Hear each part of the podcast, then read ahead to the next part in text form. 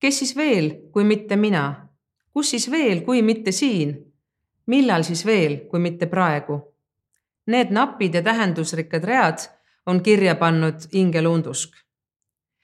mina olen Mirjam ja oma senise elu jooksul teinud tegusid armastusega ja armastuseta ning kindlasti jätnud ka mõned teod tegemata, mis mu ees on olnud.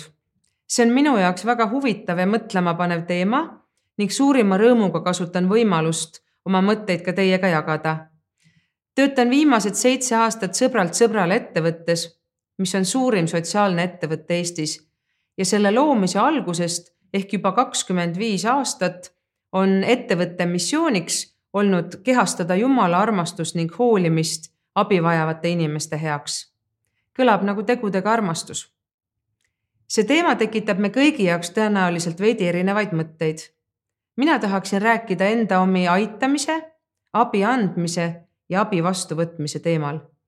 minu jaoks on tänasel päeval just need tegudega armastuse väljenduseks. kui ma ajas tagasi vaatan, siis ma ise olen olnud kindlasti keskmisest kehvem abi vastuvõtja.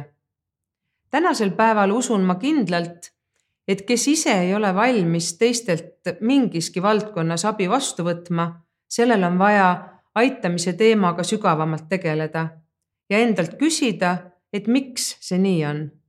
see võib olla nii liigse tagasihoidlikkuse või alaväärsuse teema kui ka uhkuse teema, aga võib-olla veel midagi kolmandat või neljandat tõenäoliselt mitu tegurit kokku. arvan, et ükskõik mis aegadel ja ükskõik mis kogukonnas on meil kõigil milleski kellegi abi vaja ja samas on alati midagi, milles ka me ise saame kedagi teist aidata. samamoodi ise abi vastu võtta. ei ole nii, et kusagil on jagatud kätte kaardid abisaaja ja abiandja ning nii on ja jääb. meil kõigil on elus erinevaid aegu ja erinevaid valdkondi milles me tegelikult ka ise abi vajame. selle tunnistamine, abi vastuvõtmine ja omakorda teistele abi jagamine on minu jaoks terve ja tervikliku inimese tunnus. Eluterve eluring. kui ma sellele mõtlen, tuleb füüsikatunnist meelde ühendatud anumate efekt. nii on minu arvates ka inimeste vahel eluterves kogukonnas abi andmise ja saamisega ning need mahud ja rollid on kogu aeg muutumises läänemaises ühiskonnas on individualism muutunud kohati sedavõrd valdavaks, et igaüks tunneb nii sisemist kui välist sundi kõigega ise toime tulla. Eestlaste hulgas on väljend ma saan hakkama. Mitmetesse keeltesse keeruliselt tõlgitav või üldse tõlkimatu ja me kasutame seda sageli ning pigem uhkusega. samas võivad nii ütlevad inimesed ise tegelikult vägagi keerulises olukorras olla. Ma arvan, et peaksime ise ja enda ümber olevate, olevatele inimestele jagama praegusest enam mõtteviisi, et alati ei pea ise hakkama saama ja väga eluterve on lubada teistel ka me eludesse panustada ja ise sedasama teiste heaks teha. jumalariiklik elukäsitlus on kindlasti kogukondlik, mitte individualistlik. igaüks on väärtustatud suhetes ja vastastikuses panuses üksteise ellu, mitte isiklikus hakkamasaamises. ma arvan, et teiste aitamine algab sellest, et oled valmis laskma iseennast aidata ühel või teisel viisil ja siis, ja siis sa tead ning oled kogenud, mida tunneb parajasti see inimene, keda sina aitad, sügavuti. tuleta seda endale aeg-ajalt meelde.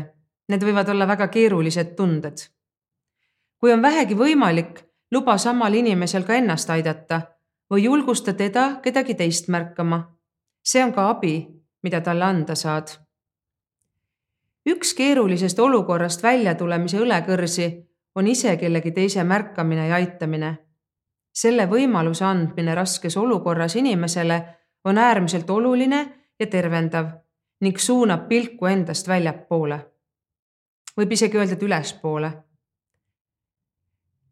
selleks võib olla midagi väga väikest, näiteks oma tehtud toidu valmistamine või koeraga jalutamine või tõlkimine. Need kõik on näited mu enda elust, kus kellegi jaoks on olnud nii oluline võimalus sel väiksel moel omalt poolt kaasa aidata. just sellega, mis on talle sel hetkel võimete ja jõukohane. see paneb ühendatud anumates miskit olulist liikuma. ühtekuuluvuse, me kõigi inimlikkuse. luba ennast aidata ja ise teisi aidata tekitab inimeste vahel sidet, osadust või tunnet, et me kõik oleme inimesed ning meil on paremaid ja keerulisemaid aegu oma elus. see seob meid selle kõige paremas tähenduses. ma olen seisukohal, et kõige olulisem on aidata täpselt seal, kus sa parasjagu oled ja tegutsed, oma kodus ja kogukonnas ja töö juures. aga olen lõpmata tänulik nende võimaluste eest oma elus, mil ma olen saanud tegutseda mõnes teises riigis ja teiste inimeste heaks. Olen panustanud vabatahtlikuna Uus-Meremaal mägedes matkajate aitamisse Äh, olen äh, Aafrikas Keenias töötanud sealse koolihariduse heaks ning äh, väiksel Aasia saarel Sri Lankal tegutsenud sõjajärgses piirkonnas laste ja noorte ning looduse ja keskkonna heaks. see on pannud mind kindlasti ümber hindama tarka ja läbimõeldud aitamist. ma olen näinud olukordi, kus on tuldud oma ideega, kuidas aidata, aga abisaajad pole üldse aru saanud, miks see hea ning oluline on ja see aitamine on jooksnud tühja või andnud kasu asemel hoopis kahju. mäletan üht lugu, kuidas aafriklastele ehitati WC-sid, mis on muidugi väga vajalikud, aga pärast ehitajate lahkumist olid nendest paari nädalaga saanud hoopiski kanakuudid. tegemata oli jäänud selgitustöö ja kohalikud ei pidanud käimlaid oma elus nii oluliseks kui kanu, kelle abil nad endale elatist teenisid sõbralt sõbrale ettevõttes puutume me kokku inimestega ja nende keeruliste olukordadega ning proovime nii palju kui võimalik koos abivajaja endaga aru saada, mis täpsemalt on keerulise olukorra tegelik põhjus või põhjustaja ja kuidas sealt edasi liikuda. meil on meeskonnas professionaalsed nõustajad, kes ses osas suureks abiks on. samas on väga selgeid olukordi, kus kellelgi on kõht tühi või tal on vaja riideid selga siis ei ole midagi mõelda ega analüüsida. kui see inimene on sinu ees oma vajadustega või info temast on sinuni jõudnud, siis on see suure tõenäosusega sinu osa. ja kui esmavajadused on täidetud, alles siis saab edasi mõelda, mis on keerulise olu, keerulisse olukorda sattumise sügavamad põhjused ja kuidas neid lahendada. vahel võib see olla juba kellegi järgmise inimese osa. ja piiblis on öeldud, ära keela head neile, kes seda vajavad, kui su käel on jõudu seda teha. see on õpetussõnade kahekümne seitsmendas peatükis. Jeesus nimetas sellist teguviisi ja suhtumist ligimese armastuseks, öeldes seda oma eeskujuga ning õpetades seda oma eeskujuga ning üteldes mine ja tee nõnda samuti. Ilus eestikeelne sõna tänase teema kontekstis, teotus võiks tähendada seda, kui jätame tegemata selle, mis meile tegelikult jõukohane teha oli. kui ma noore õpetajana koolis töötasin, oli mu klassis üks varateismeline poiss, kes sattus oma elus väga keerulisse olukorda. tema ema suri haiguse tõttu ja isa ei osanud mingil muul moel toime tulla, kui hakkas alkoholiga oma valu leevendama. ja poisi jaoks läks elu iga nädalaga allamäge.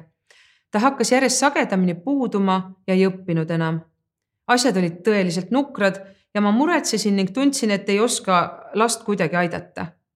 ma ei saa ju ühe pereelu kuidagi kõrvalseisjana muuta. küsisin oma hoolivatelt töökaaslastelt nõu ja abi. juba tuli isa jutuga, et paneb poisi teise kooli ja ma kartsin, et suures koolis läheb poisi elu täitsa käest. meil nimelt oli väike ja selline toetav kool aga seal oli paraku ka õppemaks ja see oli perele tol hetkel äh, suur lisakohustus, äh, sest isa kaotas alkoholi tõttu ka töö. ühel hommikul, kui poiss jälle koolis ei olnud, võtsin ma kogu oma julguse kokku ja läksin tema juurde koju. mitmekordse koputamise peale tuli ta lõpuks uksele ja oli alles voodist tõusnud ja unise näoga. meil oli lõpuks jutuajamine, kus ei pidanud kiirustama ja kedagi ei olnud segamas ning kõige muu hulgas selgus nii väike, aga oluline takistus poisi koolis käimisel.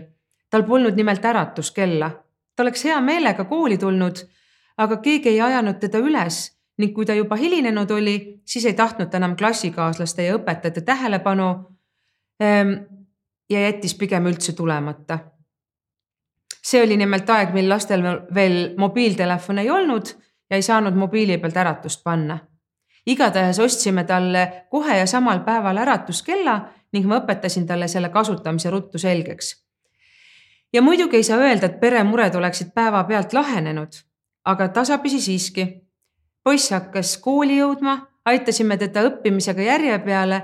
ta oli tegelikult äärmiselt nutikas ja tema hinded olid kas kahed või viied, vahepealseid variante tema jaoks eriti ei eksisteerinud talle pigem meeldis, et ta sai kooli tulla ja turvalises ning toetavas seltskonnas olla küllap üksi kodus olid muremõtted äh, rohkemgi tema peas. aitasime teda õppemaksuga ja veensime isa, et ta ei võtaks last me koolist ära ja varsti kolis vanaema nende juurde ning olukord muutus rõõmsamaks ja stabiilsemaks. see lugu on mu enda jaoks just selles mõttes väga olulisena kogu eluks meelde jäänud, et mõnda inimest tema keerulises äh, eluhetkes nähes mõtlen ma, et mis on küll tema äratuskell mis on see põhjus, mis takistab tal paremale teele tagasi jõuda? alati ei ole seda võimalik leida, aga kui on, siis võib midagi väikest olla kellegi teise jaoks elumuutvalt suur, nagu selle poisi jaoks oli äratuskell. Jeesus küsis oma äh, kolmeaastase tegutsemise jooksul maa peal inimestelt, kes olid silmnähtavalt ja väga tõsiselt haiged. Mida sa tahad? et ma sulle teeksin. see on minu jaoks nii tähendusrikas. ta ei tormanud oma tarkusest aitama, vaid inimene ise sai oma vajaduse sõnadesse panna. sõnal on teatavasti hiigelsuur vägi. ja ka abi küsimises on see kindlasti nii. Jeesusele on ette heidetud, et ta ei teinud piisavalt palju, ei ravinud tuhandeid inimesi korraga, ei kasutanud oma aega võib-olla maksimaalselt, võttis ootavast rahvamassist hoolimata vahel hoopis üks-ühele aega mõne tema jaoks olulise inimesega ja ei kiirustanud kusagile. oma kõikvõimsuses oleks ta ju suutnud seda teha. tema tegudes abivajajatega ei olnud plaani pealesurumist ja kui tundub, et olukord on kiire või hoopis keeruline, siis võttis ta vahel kõigest hoolimata vaikse aja. tema maapealse tegu, tema maapealses tegutsemises ei ole kusagil tajuda seda hoiakut, et mida rohkem, seda parem. ja kokkuvõttes tegi ta just sellisel viisil oma ainulaadset osa täites rohkem, kui keegi teine iial on teinud. Jeesuse näitel võib selle teema kokku võtta ühte lausesse. kui armastad, siis teed. sa lihtsalt ei saa muud moodi. armastus ees, teod taga. kui sa kedagi armastad, ei suuda sa suure tõenäosusega aitamata jätta, kui ta kitsikuses on ja sa saad teda aidata. usun, et parim, mida me saame teha, on oma osa tegemine, mitte kõigi teiste eest ärategemine.